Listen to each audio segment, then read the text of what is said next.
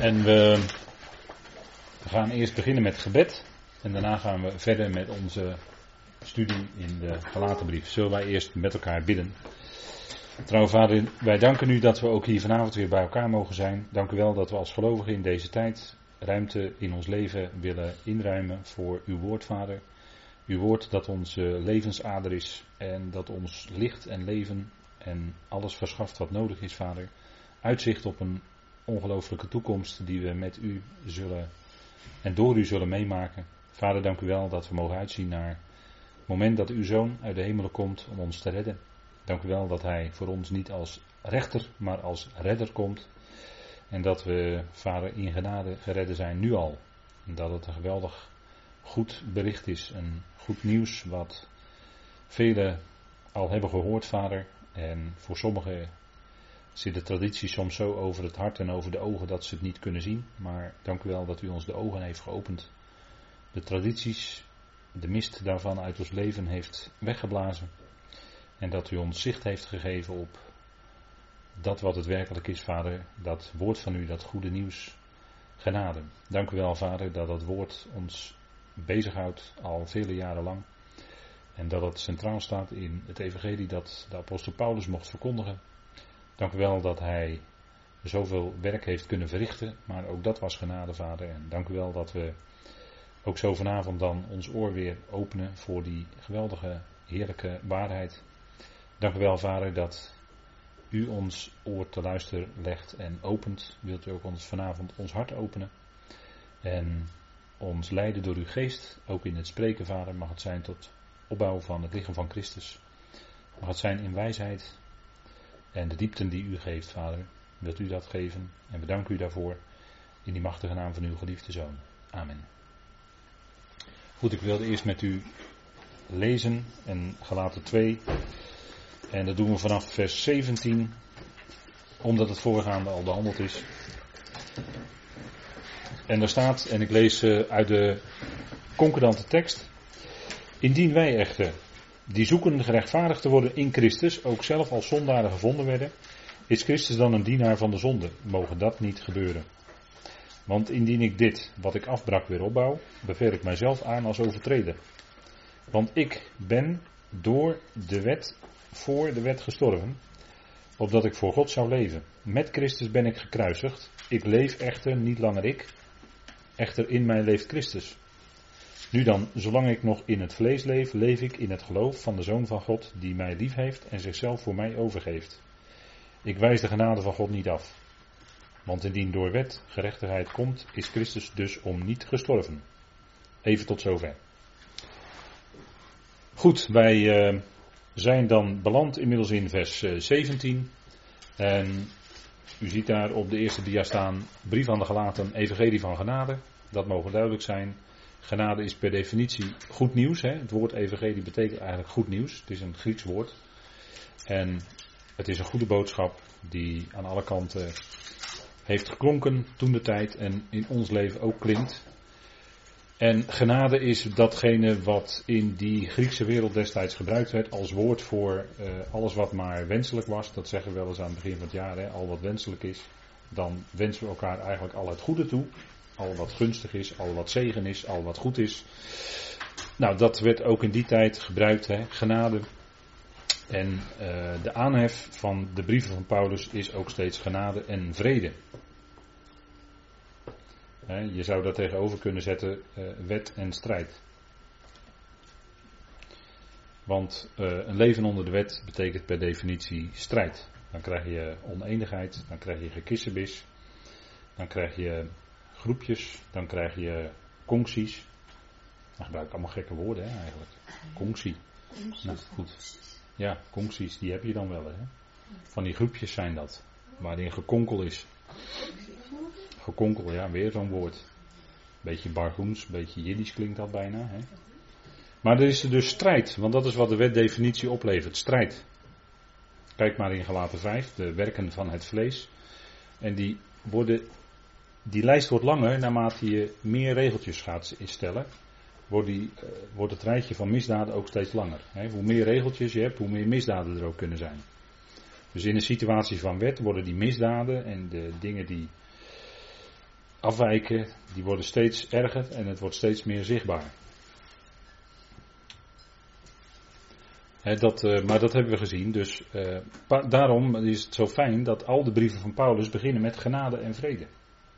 Want genade levert vrede op. En die bevinden zich in een sfeer, hè, dan bevind je in een sfeer van Gods liefde. Heel veel mensen zijn vandaag de dag sfeergevoelig. Nou, wij zouden geestelijk sfeergevoelig zijn, want alleen sfeergevoelig zijn is ziels. Maar geestelijk sfeergevoelig is dat de liefde van God functioneert. En als die functioneert, dan is er ook sprake van genade en vrede onderling. Paulus wenst dat ieder toe. Hè, genade voor jullie en vrede. Nou, dat is een geweldige aanhef. Hè, dat staat bij de, op de drempel van elke brief.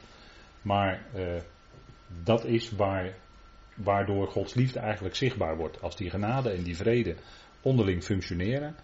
Als dat zichtbaar wordt, als dat merkbaar wordt onder gelovigen, dan is die liefde van God, die functioneert. dat is die gevende liefde, die agape zeggen we dan.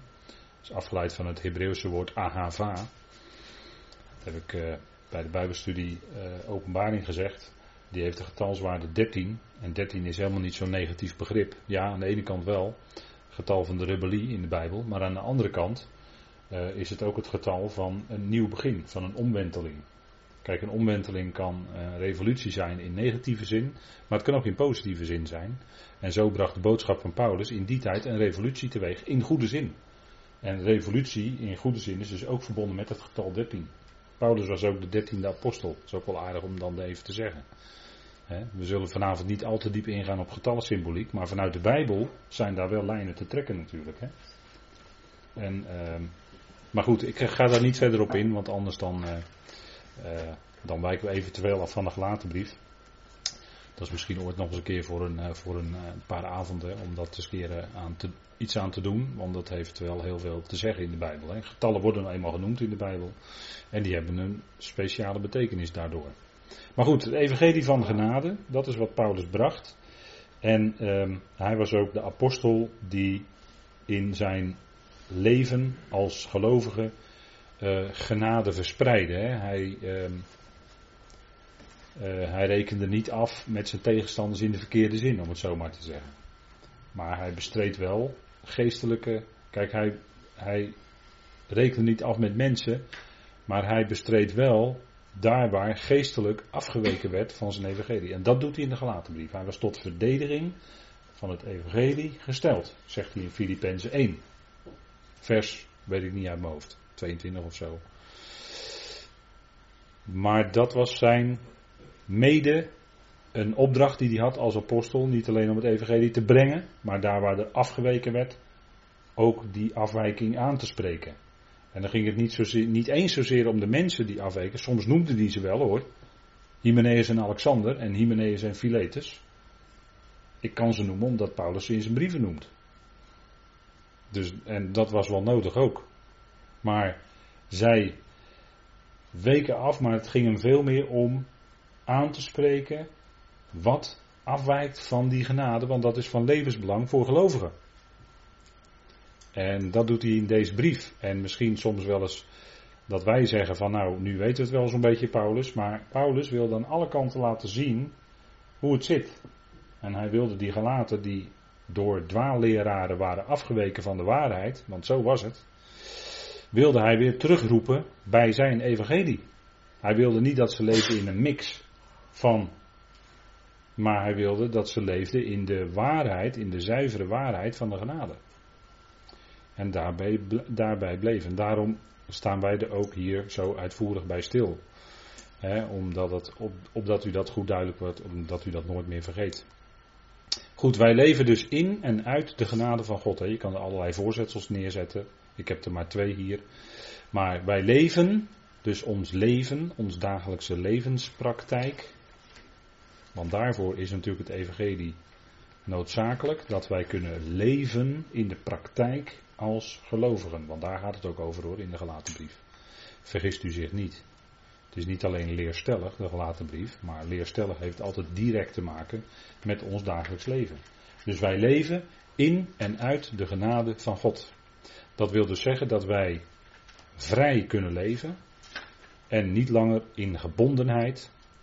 En dat kun je dan zeggen, gebondenheid is uh, linksom. Ik kan niet zeggen rechtsom. Nee, linksom is gebonden zijn. Hè? Dan ben je linksom gebonden, zeg maar. Dat kan verschillende dingen zijn. Je kunt in verschillende dingen aan slavernij leven. Meestal is het een combinatie. Maar wil je werkelijk in de vrijheid komen, wil je werkelijk leven in de vrijheid die God geeft, hè, in, zijn, uh, in zijn genade, in dat leefklimaat, dan heb je nodig dat je elke dag je bewust bent wat genade inhoudt en wat het werkelijk betekent. En daarom, dan kun je ook verder. Dan blijf je niet haken bij allerlei problemen, want uit um, het leven waarin je steeds maar bewust bent dat je schuldig bent of je je schuldig voelt, dat levert een heleboel problemen op. Een heleboel praktische problemen kan het opleveren. En het kan zelfs zo erg zijn dat je niet meer echt goed kan functioneren in het leven. Zo erg kan het worden. Er zijn mensen die zitten daarvoor in psychiatrische inrichtingen. Ik ga nog even een stapje verder.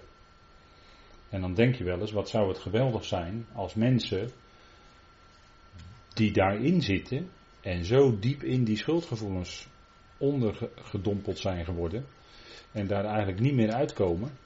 Wat zou het geweldig zijn als die deze bevrijdende boodschap zouden leren kennen. En die is ook in staat om hen daarvan te bevrijden.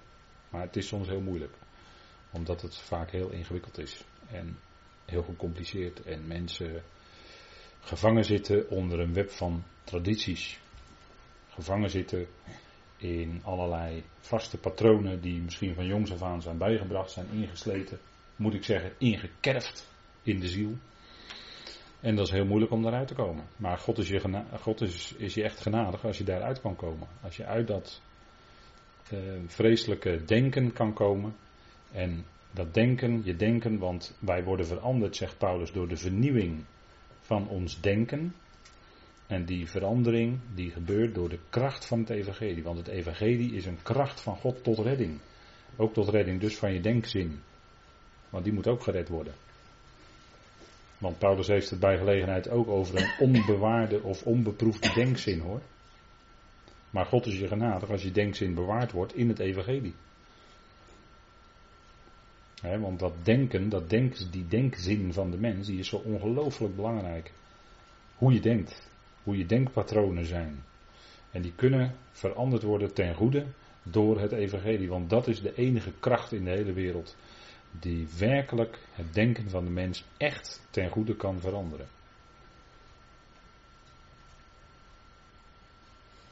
Dat is denk ik toch wel even iets, hè. Dan zijn we, beseft u dat we wel met iets bezig zijn. Met iets wat niet zomaar iets is, maar wat een geestelijke diepe waarde heeft wat zo waardevol is, wat mensen zo uit een beklemming en uit angsten kan houden, dan spreek je dus wel over iets waar we het, eh, waar we het steeds over hebben.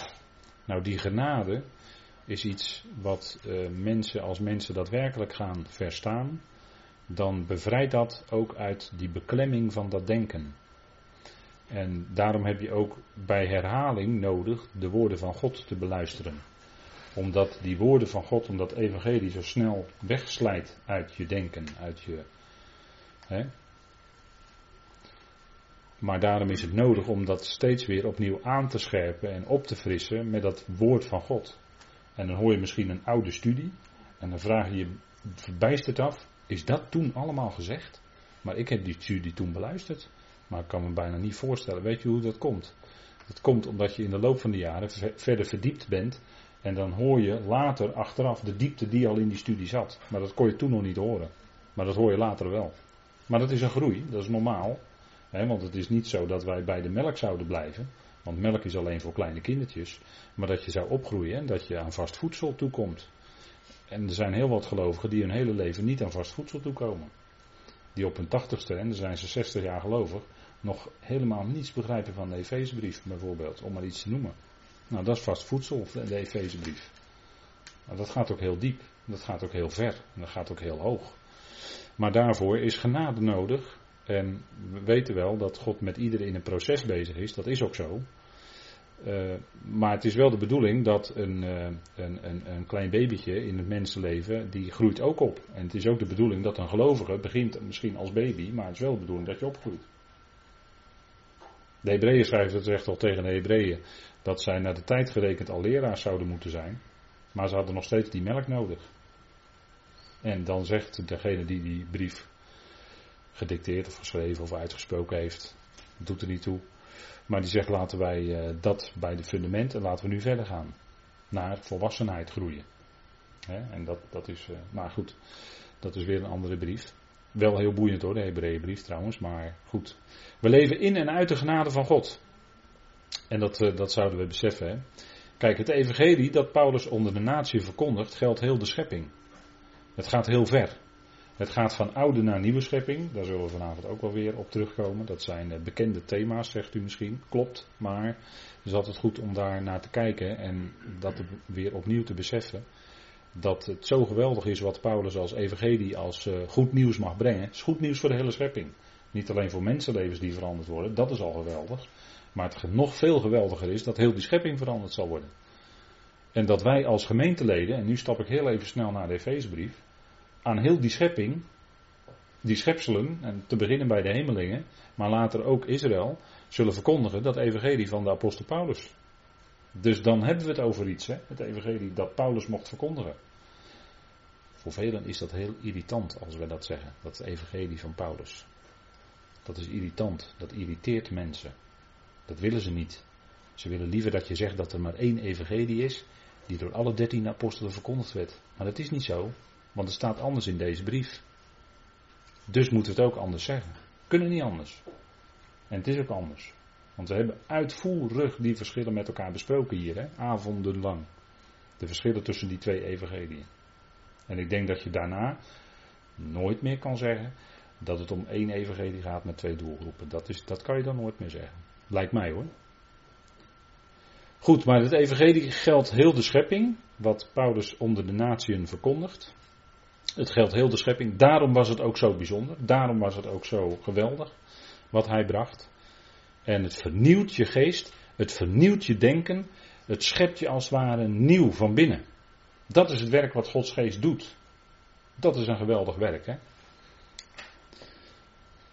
Vers 17, dat hadden we als eerste gelezen vanavond. Indien wij echter die zoeken gerechtvaardigd te worden in Christus ook zelf zondaren gevonden werden, is Christus dan een dienaar van de zonde? Mogen dat niet gebeuren. En dan zegt u, waar heeft hij het eigenlijk over? Nou, hij heeft het over die gebeurtenis dat Petrus eerst aan tafel zat met de natieën, met de Goyim. En toen kwamen er de wettischen van Jacobus en toen trok hij zich gauw terug van de natieën. Hij trok zich gauw terug en hij ging gauw uh, net doen alsof hij niet met de natie at. En wat deed hij toen?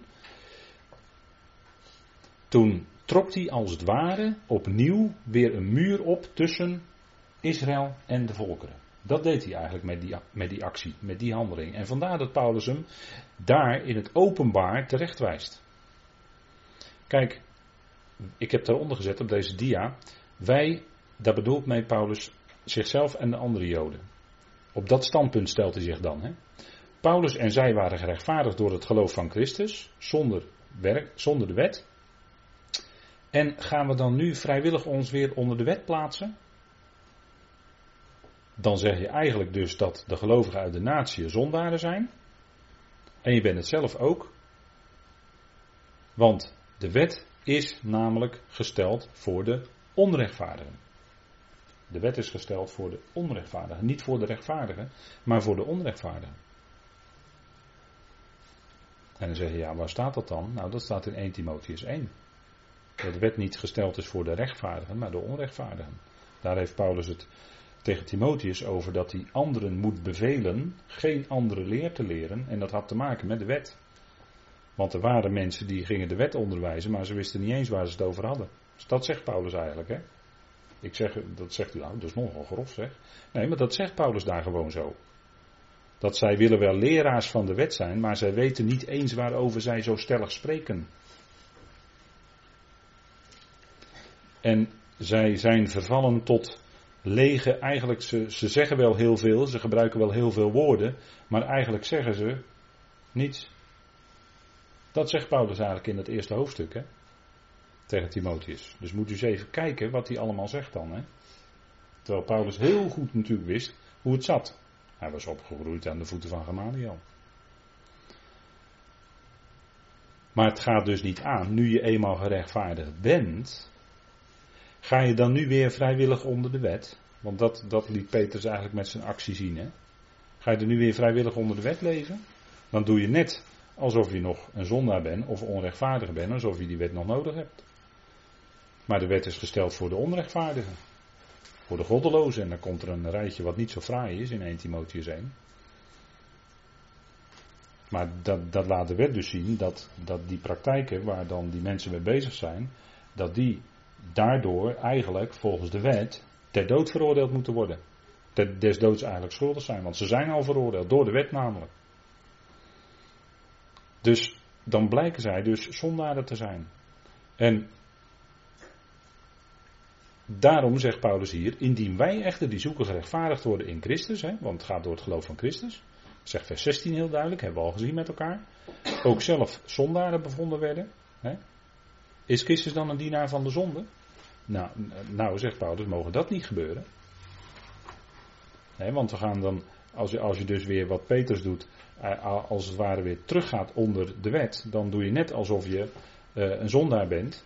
En dat zou dan betekenen dat Christus dus, die zijn werk gedaan heeft juist om mensen vrij te, eh, vrij te stellen, te verlossen van de zonde, dan doe je net of Christus dienaar van de zonde is geworden.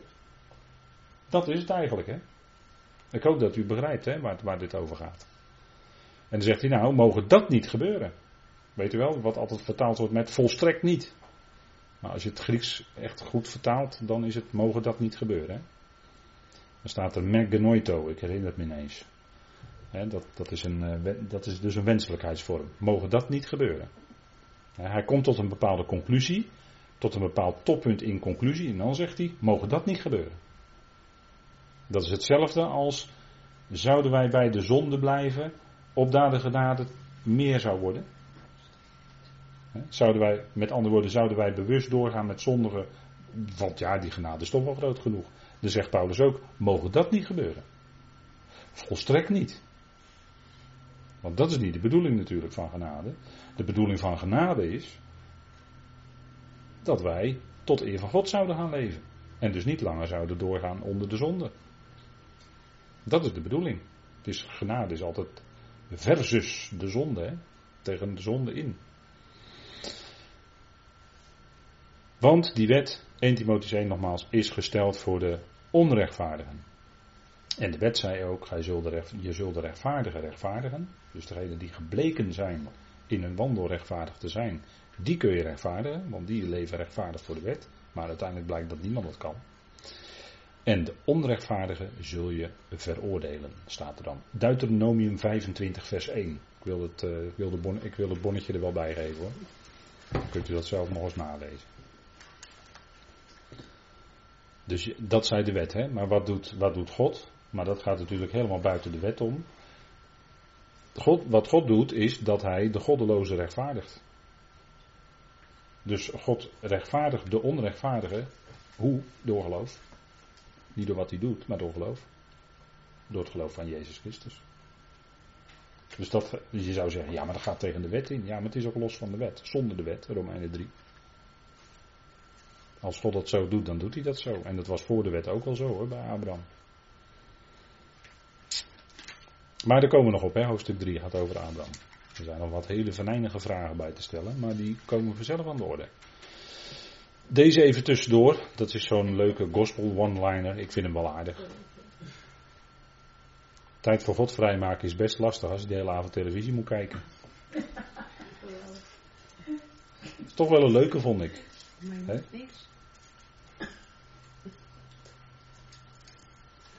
Maar goed. We gaan verder met vers 18.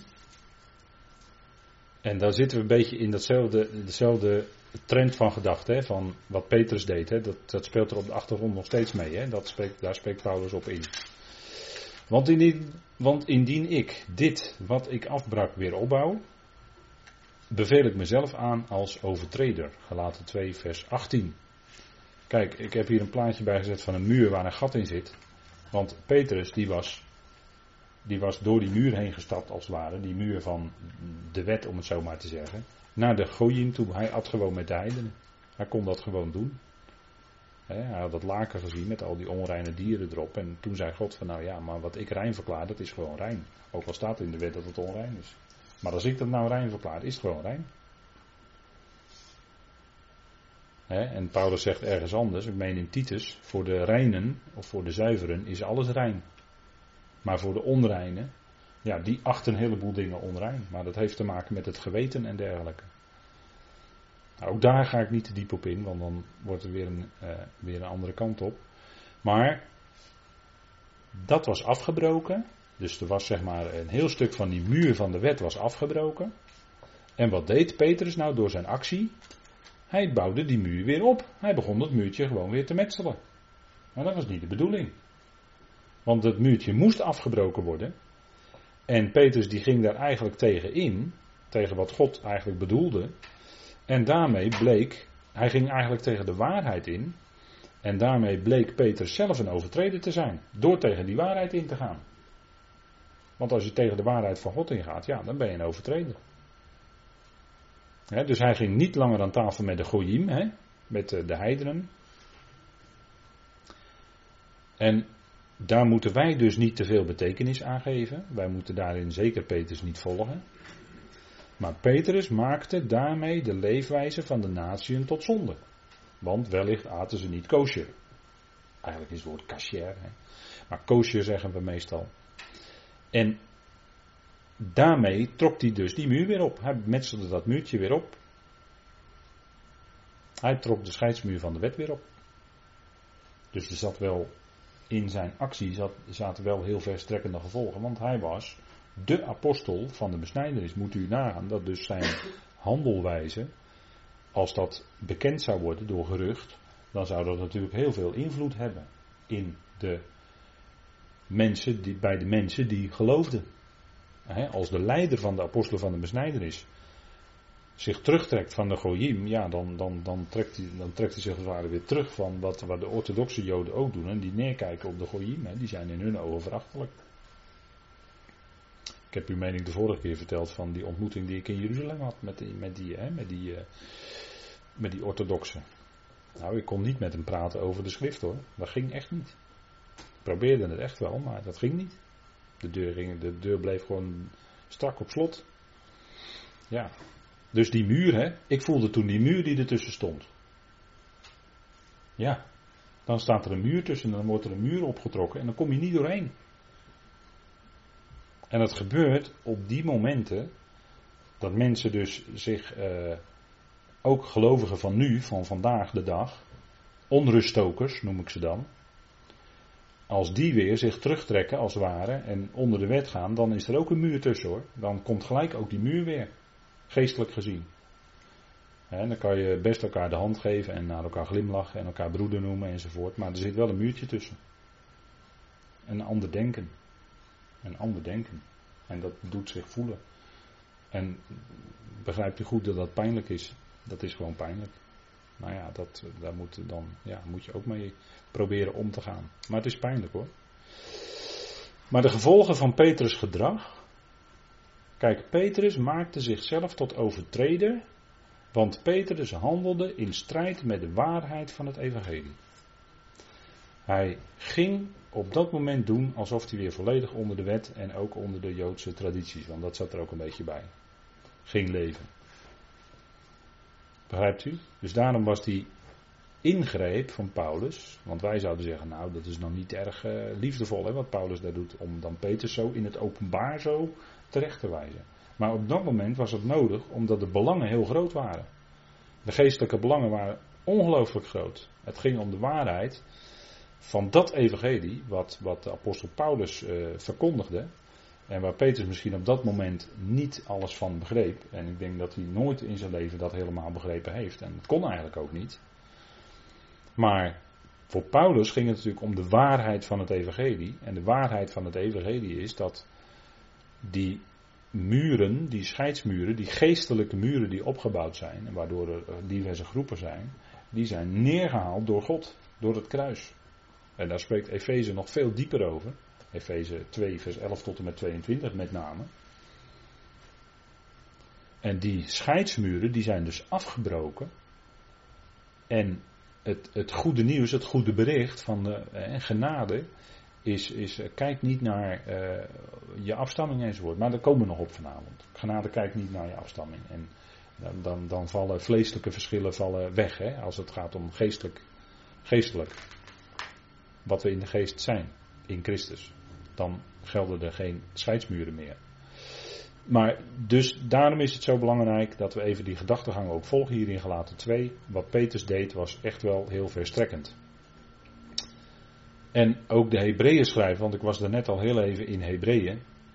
De Hebreeën schrijver die spreekt ook in Hebreeën 7 en dit zijn vaak teksten die maar nauwelijks gelezen worden of nauwelijks gekend worden door mensen. En daarom haal ik ze toch even aan. Want de Hebreeën, en zonder verder diep op die context in te gaan van Melchizedek enzovoort. Hoewel dat geweldig is hoor, want de Hebreeënbrief is een geweldige brief. Maar even wat de Hebreeënbrief zegt over wat de Torah is. Hè. Dan zegt hij nou, de wet van een vleeselijk gebod. Dus het gebod had te maken met het vlees. Het werd op het vlees gelegd. En dan zegt hij, want de opzijzetting van het voorgaande gebod, dat is dus het oude verbond, hè, het verbond van de letter, gebeurt omdat hij zwak en nutteloos is. Moet je eens even kijken wat hier gezegd wordt. Hè.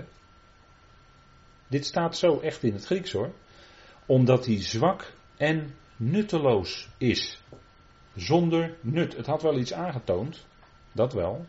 Maar het was nutteloos om de mens, vanuit de mens zelf, omdat het op vlees gelegd was, was nutteloos om iets van gerechtigheid voor God te kunnen bewerken. Daarom zegt hij, omdat hij zwak en nutteloos is. En zegt hij, want de wet volmaakt niets.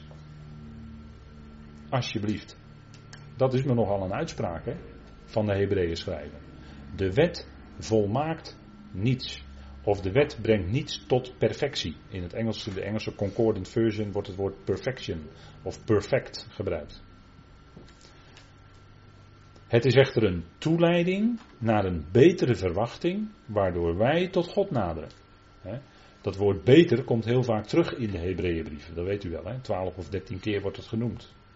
En hier gaat het om een toeleiding tot een, of een toeleiding van een betere verwachting. Dus daar werden de geestelijk, werd de geestelijke gedachten van de Hebreeën ook geleid naar een betere verwachting. Waardoor wij tot God naderen. En als ik een paar hoofdstukken verder ga, dan staat er in Hebreeën 10 vers 1 dat de wet een schaduw had van de toekomstige goederen. De wet, komma, hebbende een schaduw van de toekomende goederen. Dus het was een schaduw, het was een voorafschaduwing. Maar het was dus niet het volle licht, absoluut niet. Het was het oude verbond en dat was al lang gebroken, verbroken. En er moest dus ook nog een nieuw verbond komen.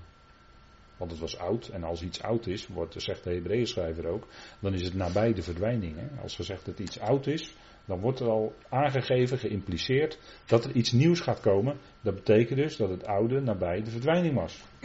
En in Jeremia werd er al gezegd dat het een oud verbond was en dat er een nieuw verbond zou komen. Hebreeën 11, het volk had, of Jeremia 11, het volk had het verbond zelf verbroken namelijk. God niet, het volk had het verbond verbroken. En daarna moest er een nieuw verbond komen. Nou, dat is een veel beter verbond, dat zegt Hebreeën dan ook. Dat is de geest van binnen. Dan wordt die Torah, die onderwijzing, wordt van binnen geschreven. In de harten, in de vleesharten van de mensen. Dat gebeurt dan allemaal. Dus het gaat om een betere verwachting in Hebreeën. Het gaat om het feit, hè, hele duidelijke bewoordingen hier in Hebreeën 7. En ik heb dit maar eens naar voren gehaald omdat dit een stukje is wat weinig gelezen wordt. Maar waarin de bewoordingen wel erg duidelijk weer zijn. Hè. Paulus zegt er in zijn brieven natuurlijk ook genoeg over. Maar Hebreeën doet wat dat betreft ook een aardige duit in het zakje, lijkt mij. Hè? Het spreekt gewoon op dezelfde wijze.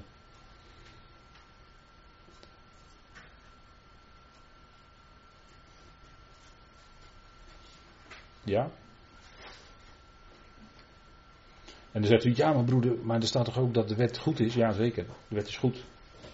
Is rechtvaardig, is heilig, de wet is geestelijk. Dat staat allemaal in Romeinen 7. Dat klopt. Dat klopt. Nou, dat komt omdat de wet een schaduw was van de toekomende goederen. En de wet is heilig, want het spreekt van een heilig God. Natuurlijk. En de wet had een functie om allerlei dingen te laten zien. Maar als ik het heb over de rechterkant van de wet, dan gaat het om dat er zo ontzettend veel in die Torah heen wijst naar degene die komen zou. Die hem zou vervullen. En die is vervuld in hem. Dat zegt Paulus ook in Romeinen 10, vers 4. dat de wet voleindigd is in Christus. Nou, dat is. de Hebreeënbrief geschreven? Ja, dat is een goede vraag. Ik heb het vermeden, ik vermijd het altijd om het te zeggen. Maar ik, ik, soms denk ik dat Paulus hem toch geschreven heeft en soms denk ik ook weer niet. Misschien zou Barnabas hem geschreven kunnen hebben, dat, is, wordt ook wel gedacht. Is ook een mogelijkheid. Maar eigenlijk, uiteindelijk is het niet zo belangrijk. Om, het, het, wordt niet gezegd wie hem geschreven heeft of wie die. Misschien is het wel een reden geweest die uitgesproken is, dat kan ook nog, die op schrift gesteld is. En wie die reden dan uitgesproken heeft, weet men ook niet. En misschien is dat ook precies de bedoeling dat we dat niet weten. We hoeven het dan ook niet te weten. Maar er wordt natuurlijk wel over nagedacht. En ja, goed, dit, dit zijn enkele mogelijkheden. Zoals het zou kunnen zijn. Maar goed, we gaan even verder. Een uh, mooi plaatje is dit uit de natuur. Hè. De natuur heeft altijd veel te vertellen. Ik vind het altijd mooi dat als je kristallen bekijkt van sneeuw, dat het altijd verschillende kristallen zijn. En dan zie je de enorme creativiteit en veelzijdigheid en maar ook mooie structuren hebben die kristallen. Dus dan zie je de creativiteit en de veelzijdigheid van degene die dat allemaal gemaakt heeft. De schepper. Nou, dat is fantastisch. En het is uh, altijd fijn om te beseffen dat na de winter ook weer de zomer komt. Hè? Dan heb je altijd weer verlangs naar, naar die winter, dat de zomer komt. Ja, maar de zomer voor de wereld komt ook. Dat is als, uh, als de Heer komt en dan gaat de zomer, dan gaat de zon der gerechtigheid gaat op. En dan uh, wordt het inderdaad zomer in de wereld. Dan wordt het duizendjarig rijk. Dat is eigenlijk de zomer, hè, zou je kunnen zeggen. Trouwens ook heel mooi om te zien in het leven van Jacob dat er op een bepaald moment, dan staat er één zinnetje zo en de zon ging onder. En dan zijn we een aantal hoofdstukken verder en dan staat er en de zon kwam op. En dan moet u eens kijken wat er dan tussen die zonsondergang en die zonsopgang gebeurt in het leven van Jacob. Stukje studie, stukje leeswerk voor u. Genesis 28, 29, 30, 31, 32, zo die koers. Zoek het maar eens op. U kunt heel makkelijk opzoeken u zoekt op www.biblia.net. Dan kunt u allerlei vertalingen kunt u aanklikken. En dan kan u zo één woord inbrengen. Dus dan brengt u het woord zon in. En dan ziet u precies, krijgt u alle teksten waar het woord zon in komt. En dan bent u heel snel bij die tekst in Genesis. Nou, dan kunt u dat zo opzoeken. Tegenwoordig is het simpel. Simpel. Je moet gebruik maken van internet op de goede manier. Nou, zo kan dat. Kun je heel simpel voor uzelf doen. Maar ga het maar eens na. De zon ging onder, staat er dan. En dan staat er ook op een gegeven moment dat de zon weer opging. Daar zit zoveel typologie in. Dat is geweldig. Maar goed, dat is allemaal natuurlijk. En dat is ook een functie van de Torah. dat het ook typologisch wijst naar de toekomst. Maar goed, we gaan weer gauw verder. In de tekst, um, vers 19. En dat zou, als je iets van de Torah weet, als je de Torah wel eens een paar keer doorgelezen hebt, dan is dit voor je wel bekend hoor. Paulus zegt hier, ik ben door de wet, voor de wet gestorven. Kijk, de wet eist de dood van de zondaar. dan, dan noem ik maar weer dat voorbeeld van de man die hout sprokkelde op de Sabbat. Dat mocht niet en die moest ter dood gebracht worden. Ik heb daar wel eens over gesproken. En toen kreeg ik ook een hele vervelende e-mail na afloop. Die was echt vervelend. En dat was één punt. Kijk, waarom heb ik toen dat voorbeeld aangehaald in die spreekbeurt? Om te laten zien dat wij. Ik heb toen in die spreekbeurt willen laten zien dat wij ingaan in de rust van het geloof. En daar is de sabbat een type van. En daarom mocht die man niet werken op sabbat, dan werd hij ter dood gebracht. Want dat type moest intact blijven. Daarom mocht men ook niet werken op de Shabbat. En daarom kon die man niet hout sprokkelen, die was bezig met zijn eigen werken. Die was aan het hout sprokkelen. En dat verhinderde de rust van het geloof. Daar vat ik het even heel kort samen wat ik toen gezegd heb. En nou goed, achteraf kreeg ik dus een e-mail dat ik dat allemaal niet had mogen zeggen. En dat ik waarschijnlijk het Hebreeuws niet open had gehad enzovoort. Nou, die broeder wist kennelijk beter dan ik wat ik gedaan had de dag tevoren. Maar uh, daar ging het om. Hè. Het ging om het type. Het ging om het type wat in die Shabbat zit. Namelijk de rust van het geloof. En daar ging het om toen. Maar letterlijk genomen moest die houtsprokkelaar op de Sabbat moest ter dood gebracht worden. Want hij mocht niet werken op de Shabbat. Zo, zo was die wet. Zo was die Torah opgesteld. En zo zijn er natuurlijk talloze dingen die in de Torah genoemd worden, waarop iemand dan ter dood gebracht moet worden. Wij zeggen, daarom. Dat, dat vergrijp is toch niet ernstig genoeg voor de doodstraf? Ja, volgens de Torah moest dat wel. En dat ging natuurlijk om de type, dat snapt u natuurlijk wel. Maar letterlijk genomen moest die eigenlijk uitgevoerd worden door het volk. Met andere woorden, ik ben door de wet, want de wet eist de dood van de zondaar. En als dat gebeurd is, dus als die zondaar gedood is, ja, dan op hetzelfde moment, als je eenmaal dood bent, gestorven bent, dan ben je ook dood voor de wet. Want je kan tegen een dode natuurlijk van alles zeggen, van je mag dit niet en je mag dat wel. Maar die dode, die hoort helemaal niks meer, die reageert daar totaal niet meer op, die is er dood voor. Ja, duidelijk zo? Ja, oké. Nou, dus daarom zegt Paulus dit. En eigenlijk, uh, ja, eigenlijk veroorzaakt de wet zelf dus dat dan later dus die wet niet meer nodig is, want ja, is gelegd op levende mensen, op levende oude mensen, vleeselijke mensen. En als die mens gestorven is, ja, dan, dan geldt het niet meer. Dan heeft die wet, om het maar even heel moeilijk te zeggen, geen jurisdictie meer over die mens. Want die is dood voor die wet. Ja, dat is nogal logisch hè. Nou, Paulus zegt, ik ben door de wet voor de wet gestorven. Maar toch nog een beetje raadselachtig, want Paulus leeft op dat moment als hij het schrijft, of laat opschrijven. Hoe zit het dan met dat gestorven? Nou, vanuit de wet gezien moest dat, maar dat was natuurlijk omdat er iets gebeurd was. Kijk, ik heb nog even willen onderstrepen. De wet eist de dood van de zondaar. Exodus 21, lees dat hoofdstuk maar eens door, dan kom je tegen dit en dit en dat. En dan moet hij zeker gedood worden. En dat, en dat staat er bij herhaling. Ik heb dan drie keer, maar het staat er nog vaker. Moet zeker gedood worden. Zo staat er dan in de vertaling die ik dan gebruikt heb. En het punt is natuurlijk dat ook in de dood. De dood is de grote gelijkmaker. Moet u maar eens prediker lezen. Of er nou een rijke is of een arme of wie dan ook. Als je dood bent, ben je allemaal gelijk als je op de kerk of naast elkaar ligt in die graven, dan is het voor iedereen gelijk. Dan maakt het niet meer uit of je vroeger nou een koning was, of een bedelaar, of hartstikke rijk, of hartstikke arm. Het maakt dan niet meer uit. Hè? Maar dat zegt de prediker ook, moet je maar eens nalezen. de, de dood is de grote gelijkmaker. Daar is geen onderscheid meer qua afstamming. Dat telt helemaal niet meer in de dood. De wet kan geen eisen meer stellen. Dat is allemaal voorbij. Nu die verschillen, dat onderscheid wat er nu nog is in het vlees, dat kan er dan niet meer zijn. Want het is allemaal passé. Het is definitief voltooid verleden tijd. Dus zo sprak de wet ook. En dat was ook om een einde te maken aan het leven van de zondaar. En dan ben je er dus, daarna ben je er dus voorbij. Hè? Paulus zegt het zo in 2 Korinthe 5. Indien één voor allen gestorven is, zijn dus allen gestorven. Dat is eigenlijk gebeurd op Golgotha. Hè? Dus met hem stierf die hele mensheid. In hem en met hem stierf die hele oude mensheid. Eén is voor alle gestorven, zegt Paulus. En dan zijn dus, dan zegt hij dat woord, hè, wat in het Engels vertaald wordt met consequently. Hè, dus, bijgevolg, ergo, allen gestorven.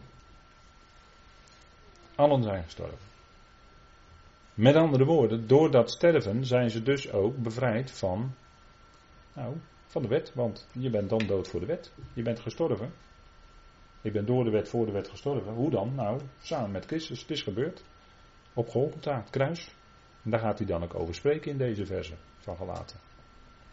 één is voor allen gestorven en dus zijn allen gestorven. 2 Korinthe 5. Dat is toch wel leuk hè, zo'n beestje uit de natuur, zo'n vogeltje. Kijk, in zekere zin is een vogel ook een type van de gelovige. Hè? Want hij vliegt in de hemel, dus hij is eigenlijk al een beetje in de hemel. Hè? Hij vliegt in de hemelen. En af en toe staat hij met zijn pootjes toch nog op aarde, zoals hier op een boomtak. En uh, hij kan zijn geluid laten horen. Dus to, toch wel een beetje leuk, leuk dacht ik. Type van de gelovige. Die is een beetje bevrijd van, af en toe een beetje bevrijd van dat aardse, als die zo boven in die hemel. Nou, dat, dat, voelen wij ons ook wel eens. Hè. Zo met het evangelie, dan, dan uh, ga je dat aardse heel erg relativeren en dan voel je je niet meer zo gebonden aan die aarde. Dus dan lijkt je eigenlijk een beetje op zo'n vogeltje. Zo vrij in de lucht. Ik denk toch wel aardig. Blauw, spreekt ook van de hemel, hè, die kleur. Snaveltje dicht, dat is vaak ook wel goed hoor voor geloven om snavel dicht te houden. En God te laten spreken. Sorry, ik kon het even niet laten. Eén uh, voor allen, dus één stierf voor allen, we gaan weer gauw verder. En met allen, één voor allen, stierf voor allen en met allen, hè, dus met allen. En die allen die stierven dus met die één, hè. ook andersom kun je het zeggen. Paulus zegt het in Romeinen 6 ook, hè, dat onze oude mensheid gezamenlijk gekruisigd werd, opdat het lichaam van de zonde buiten werking gesteld wordt. En dat wij niet langer de zonde slaven. Dat wij niet langer de zonde slaven. Als je het snel zegt, dan hoor je daar een dubbelheid in. Dat is ook precies de bedoeling. Want iemand die stierf, en die heb ik even cursief, die zin, want dat is in het verband van vanavond even goed om dat scherp met elkaar te zien. Want iemand die stierf, en het is gebeurd dus door het kruis, is van de zonde af, van de zonde af, gerechtvaardigd. Begrijpt u? En dit, dit is ook weer bevrijdend evangelie hoor, wat hier staat. Want dat betekent namelijk dat als je eenmaal gestorven bent, dan betekent dat automatisch dat je dat het, dat het vonnis, zeg maar, of de rechtvaardige eis, hoe moet je het zeggen, is ingewilligd. Je bent gestorven. Dat eist in feite ook de wet. Nou, dat is gebeurd. En vervolgens kan er tegen die doden kan geen aanklacht meer ingediend worden. Als een misdadiger zijn straf uitzit in de gevangenis, ja, dan zit hij zijn straf uit. Maar als iemand sterft, dan valt er niks meer te straffen. Want dan is, kan hij, hoeft hij ook niet in de gevangenis geworpen te worden. Dat geldt allemaal niet meer, want is dood. Daarom eh, in bepaalde landen is er nog wel de doodstraf van toepassing. Ja, het is eh, dan de doodstraf. En dan uh, hoef je dus daarna niet meer levenslang te zitten. Want ja, dat, dat, is allemaal niet meer nodig dan. Dan is het vonnis voltrokken. En het vonnis is voltrokken. Op Golgotha. En hij werd opgewekt, zegt Romeinen 4, vanwege onze rechtvaardiging. Dus iemand die stierf is van de zonde afgerechtvaardigd. Dan, dan is dat dus allemaal van je af. En vervolgens kan er dus ook niet nog een aanklacht tegen jou ingediend worden. Want je kan tegen een dode toch geen aanklacht indienen. Wat valt er dan nog aan te klagen? Het is allemaal rechtens, hè, dit. Het is allemaal een beetje juridisch-achtig misschien. Maar eh, dat is wel het punt, hè. En als je opgewekt bent, ja, dan ben je dus voorbij die dood. Dan heb je de dood eigenlijk in zekere zin achter je gelaten. Je bent opgewekt tezamen met Christus. Dan heb je die dood dus in feite al achter je gelaten. En dat nieuwe leven in jou, dat is Christus. Hè, dat is het leven van Christus. Ja, dat, dat is, daar valt niks meer. Dat, kan, dat is onmogelijk dat het ooit nog op enige manier onder veroordeling zou kunnen komen. Dat is absoluut onmogelijk. Want het is al dood en begraven geweest. Maar dat is opgewekt uit het graf en daarom opgewekt, gerechtvaardigd. Dus nieuw en daarom niet meer te beschuldigen. Wat is allemaal al gebeurd op Golgotha? Kijk, dat is de bevrijdende werking van het kruis. Dat bewerkt het, hè, dat heeft Christus door aan het kruis genageld te worden, is dat bewerkt. Niet ons werk, want wij werden alleen maar daaraan gerekend door God. En daarom is het nou juist ook genade. Maar ziet u dat dus die gerechtigheid van God, zit daar overal onder, hè? daar begint het mee. En op basis van die gerechtigheid kan en geeft God overstromende genade. Dat is even, misschien even wat zwaar gezegd hoor, weer, maar zo is het wel. Hè. Dat, dat zijn de fundamenten waar we over praten. En dan begrijpt u dat wat met die gelaat aan de hand was, dat was dus een aantasting van de fundamenten van het evangelie. Of tenminste daarmee probeerde men dat, dat, dat fundament aan te tasten. Is onaantastbaar hoor, maar je kan er wel een hoop gelovigen mee op een dwaalspoor brengen of onrust veroorzaken. Hè. Die, uh, dat deden die onruststokers. Opdat ik, want het is niet alleen, het is niet alleen dat gestorven, hè, het is niet alleen, uh, ik ben door de wet voor de wet gestorven, want dan, uh, dan, dan heb je het over de dood. Maar het is ook leven, want dat komt na het graf. Dat is bij het open graf. Opdat ik voor God zou leven, zegt Paulus dan. Hè? Dat is de bedoeling, hè? opdat. Er is duidelijk een, een, een bedoeling achter. Hè? Dat woordje opdat zit, zit, dit is de bedoeling, opdat ik voor God zou leven. Dus wat na het graf er is, is leven en voor God. En dat is wat Paulus in Romeinen 7, vers 4 ook zegt. Daar zegt hij het in, speciaal tegen eh, zijn broeders uit Israël. Zodat mijn broeders, ook jullie ter dood gebracht werden door de wet, of voor de wet, sorry. Jullie ter dood gebracht werden voor de wet doorheen het lichaam van de Christus. En we zeggen altijd door, maar het Griekse woord wat er staat, betekent eigenlijk doorheen. Doorheen het lichaam van de Christus, opdat jullie voor een ander worden, die ander dan met een hoofdletter, die uit de doden opgewekt is, opdat wij vrucht dragen voor God. En dat is de bedoeling, hè? Door de dood heen, open graf, opgewekt met Christus, opdat wij voor God leven en opdat wij vrucht dragen voor God. Dat is de bedoeling. Dat is wat God gaat zetten in ons leven. Hij gaat die vrucht geven in ons leven, door zijn geest. Ik heb er een paar facetten bij gezet, hele belangrijke. Liefde, vreugde of genade en vrede. Dat, dat is waar de vrucht van de geest in Galaten 5 mee begint. Hè?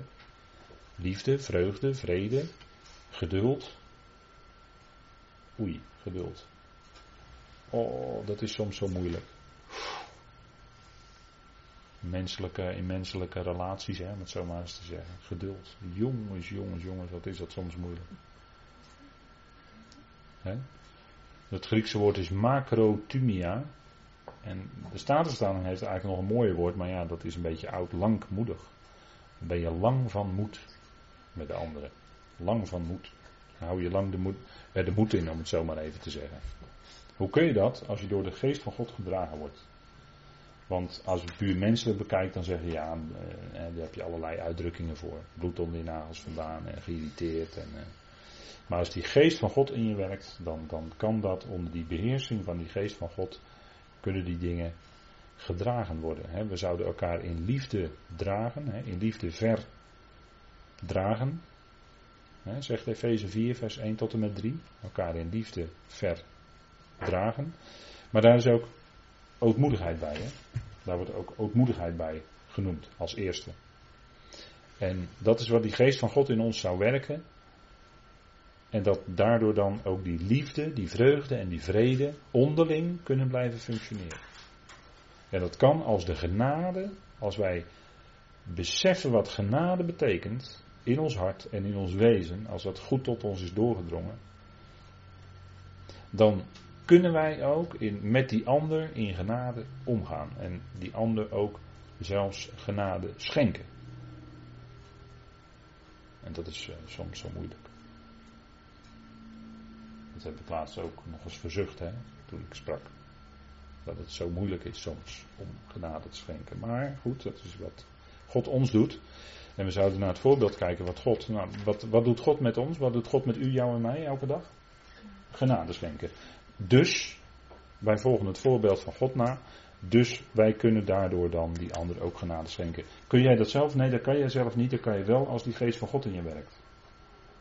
Door die kracht. Dat is de enige kracht hoor, waardoor je het kan. Maar puur menselijk kan je het niet. Kijk, als je pubers aan het opvoeden bent.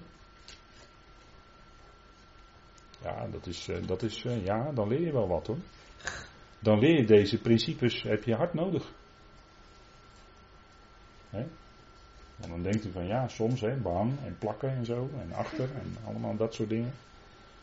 Dat heb je dan wel eens hè. Maar ja, dan, als die principes ook in je gezinsleven doorwerken, dat bedoel ik dan eigenlijk. Dan kan, kan dat altijd toch, die, die, uh, dan kan dat eigenlijk toch um, steeds weer kun je daarop terugkomen met elkaar.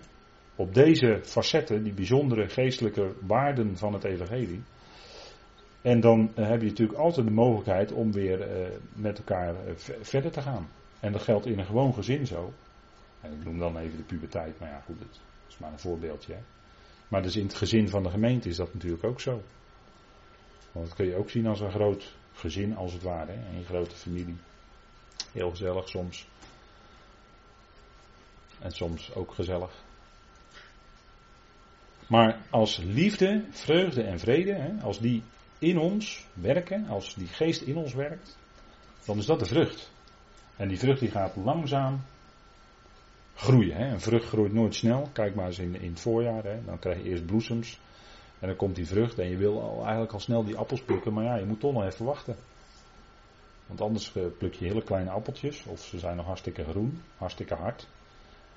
je moet wachten totdat ze een beetje blozende wangetjes krijgen. Enzovoort. Maar ja, dan moet je wachten tot september. Tot het rijp is. En die vrucht die groeit dus heel langzaam zo door die maanden heen. Groeit die vrucht totdat die echt rijp is. En dan kan die geplukt worden en dan smaakt het ook goed. Dan is het uh, goed toeven met die vrucht in je mond. Maar dat is wat zijn geest in ons bewerkt. Paulus heeft het dan over een aangename geur. Dat is natuurlijk beeldspraak, maar een aangename geur. Efeze 5. zoals Christus voor God nu, ook nu nog, met het werk wat hij nu doet een aangename geur is. Want hij geeft zich over voor de gemeente. zo ook wij. Dat voorbeeld navolgen. Christus navolgen daarin. Nou, en, en dan, ja, dat is, dat is eigenlijk heel fijn hè, als dat zo functioneert.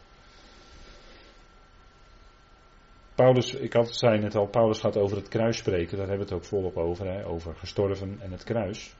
Met Christus, zegt hij, ben ik gekruisigd. Ik leef echter. Niet langer ik, echter in mij leeft Christus. En dit is eigenlijk een prachtige samenvatting van geloven. Van het geloof. De kern waar het om draait. Met Christus ben ik gekruisigd. het mooie is dat dit vers begint en eindigt met Christus. Als je even, even snel kijkt. En in het midden staat niet langer ik. Dus het is Christus voor en Christus na. Ja, en ertussenin, jij, ik, nee, ja, nee, nee. Nou, dat oude nee dan, hè. Dat oude ik, nee. Maar er is ook een ander ik, daar spreekt hij ook over. Ik leef echter. Hey, ik ben gestorven, zegt Paulus. Ik ben met Christus gekruisigd. Wonderlijk, zegt hij toch ook in hetzelfde vers. Ik leef echter. Dat is heel wonderlijk, hè. Maar niet langer ik. Dan heeft hij het eigenlijk over wat wij dan altijd zeggen, ons oude ik. Hè? Echter in mij, heeft hij het weer over dat ik, dat, dat vernieuwde ik, dat nieuwe ik zeg maar, leeft Christus. Dus je zou kunnen zeggen, bij de gelovigen is het zo dat het oude ik is inderdaad met Christus aan het kruis gegaan en is meegegaan het graf in. En is bedoeling zand erover en komt er niet meer uit. En dan is dat nieuwe ik als het ware, of dat vernieuwde ik, dat is eigenlijk het leven van Christus in ons. En dan kan Paulus toch zeggen: Ik leef echter, maar dan ben je voorbij het graf. In mij leeft Christus. Niet Jezus, maar Christus, de opgestane, de gezalfde. Zo spreekt hij, hè?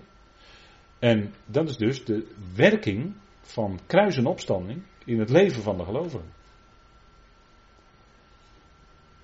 Want daar waar nog het oude ik soms de kop, kop, uh, kop opsteekt. En dan zeg ik bewust kop. Ja, daar, ja. Dat is dan soms moeilijk, hè, onder elkaar. Als we dat merken. Het oude ik. Wat zich nog zo graag wil laten gelden. Dat gebeurt hè.